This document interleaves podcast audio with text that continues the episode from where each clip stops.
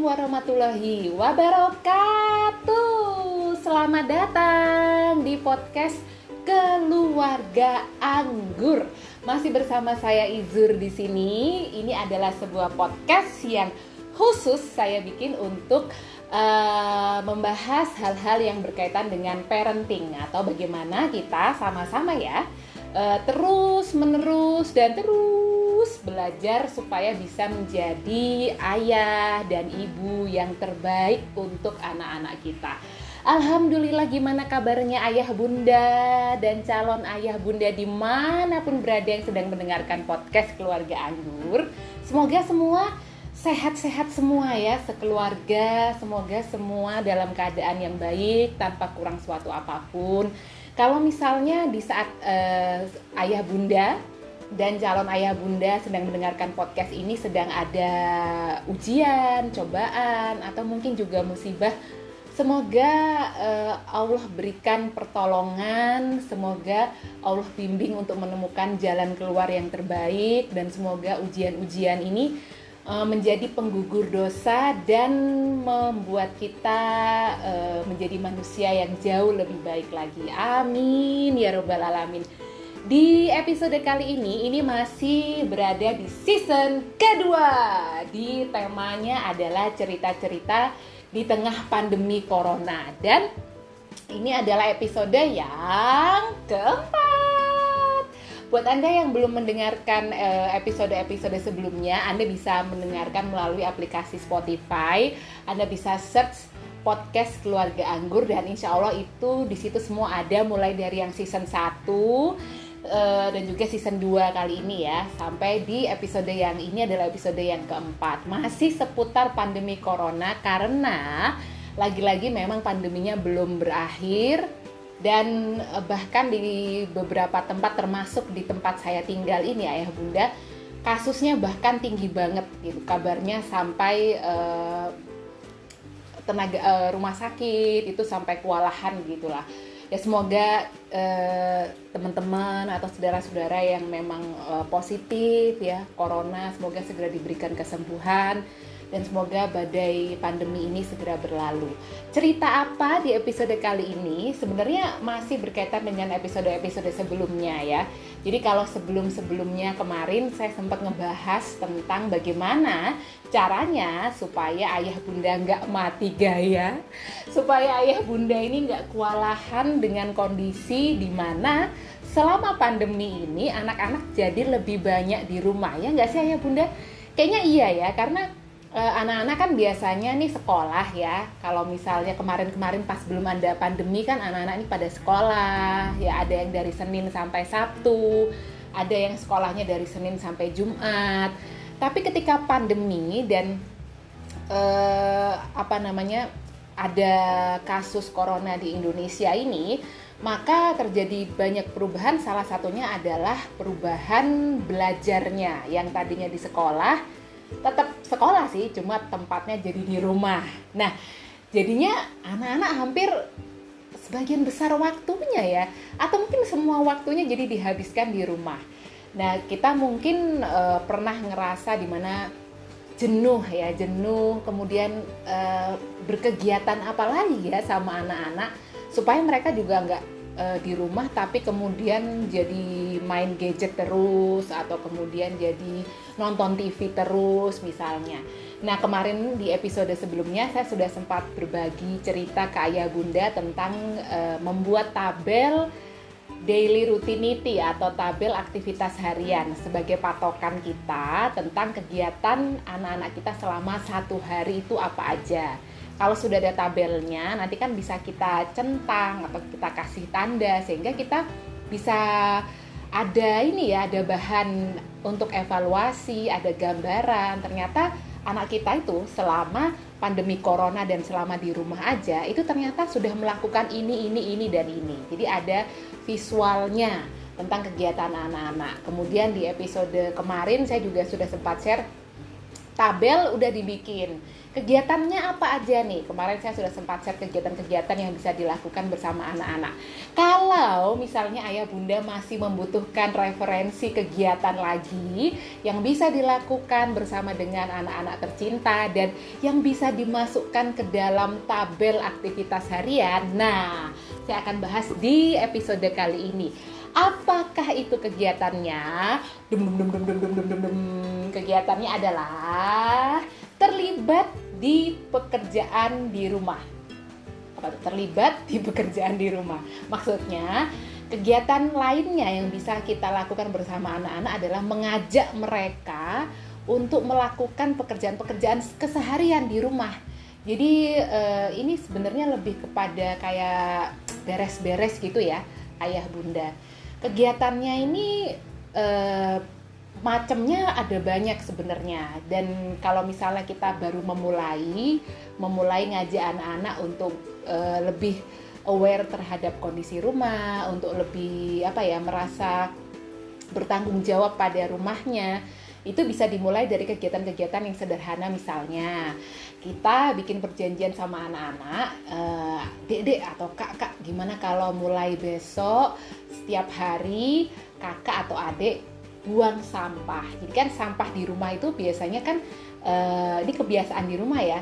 Itu kalau pagi itu kantongnya diikat kemudian ditaruh di tempat sampah yang ada di luar rumah untuk kemudian diangkut sama petugas sampah. Nah, kita bisa tuh ngajak mereka uh, rutin setiap hari buang sampah atau e, mengumpulkan sampah di rumah untuk kemudian ditaruh di tempat sampah di depan rumah supaya besok bisa e, diangkut oleh petugas sampah.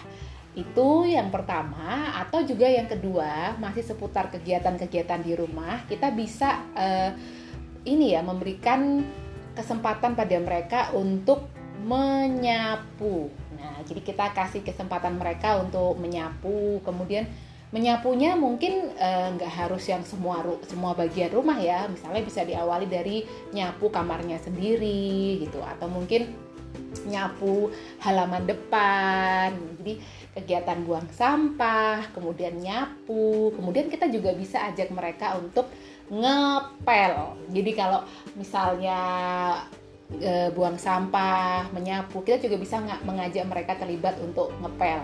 Ini juga e, based on ayah bunda ya. Jadi bisa dilihat kemampuan anak. Misalnya e, kira-kira nih anak kita sanggupnya membersihkan atau ngepelnya itu baru kamarnya dia sendiri atau kamarnya dia sama kamarnya adiknya nggak apa-apa yang penting dia melakukan kegiatan mengepel itu tadi atau kita juga bisa memasukkan kegiatan misalnya uh, adik atau kakak tugasnya adalah setiap hari membersihkan jendela-jendela yang ada di rumah. Nah, atau juga misalnya uh, cuci piring. Jadi kegiatannya adalah cuci piring. Mungkin bisa diawali dari cuci piringnya sendiri kalau dia selesai makan, cuci piringnya sendiri, cuci sendoknya sendiri, cuci gelasnya sendiri. Syukur-syukur misalnya mau nyuci piringnya yang lain juga ya. Atau apalagi misalnya e, ngajak mereka sekalian belajar mencuci baju sendiri.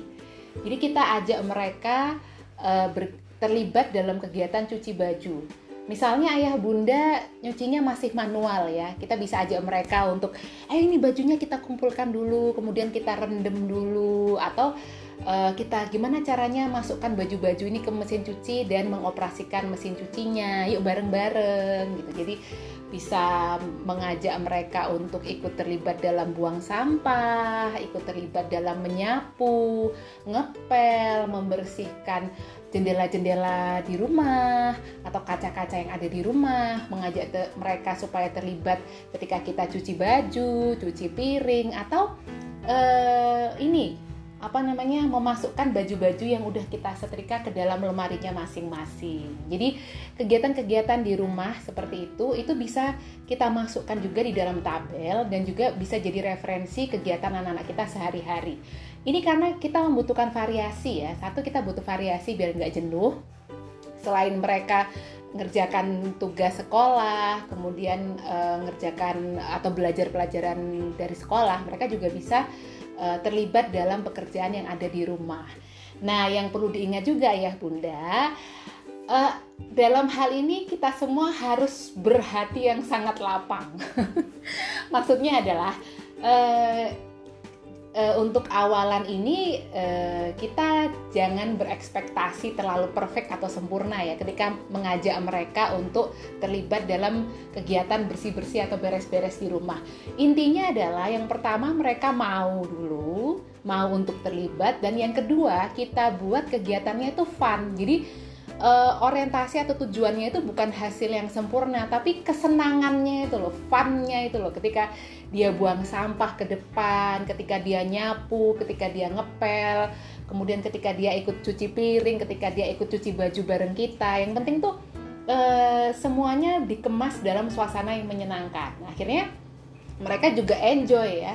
Enjoy melakukan pekerjaan beres-beres rumah yang mungkin sebelumnya mereka nggak pernah melakukan itu. Jadi uh, kita ekspektasi kita tuh bukan kemudian mereka jadi jago nyapu jago ngepel itu belum sekarang. Tapi mungkin itu nanti ya next time. Tapi sekarang yang penting mereka mau dulu kemudian mereka enjoy dan menikmati kegiatan itu. Sehingga mereka nggak terasa nggak merasa itu menjadi sebuah beban ya. Nggak merasa itu sesuatu yang berat. Jadinya melakukannya juga ogah-ogahan atau separuh hati. Yang penting mereka enjoy dulu ayah bunda.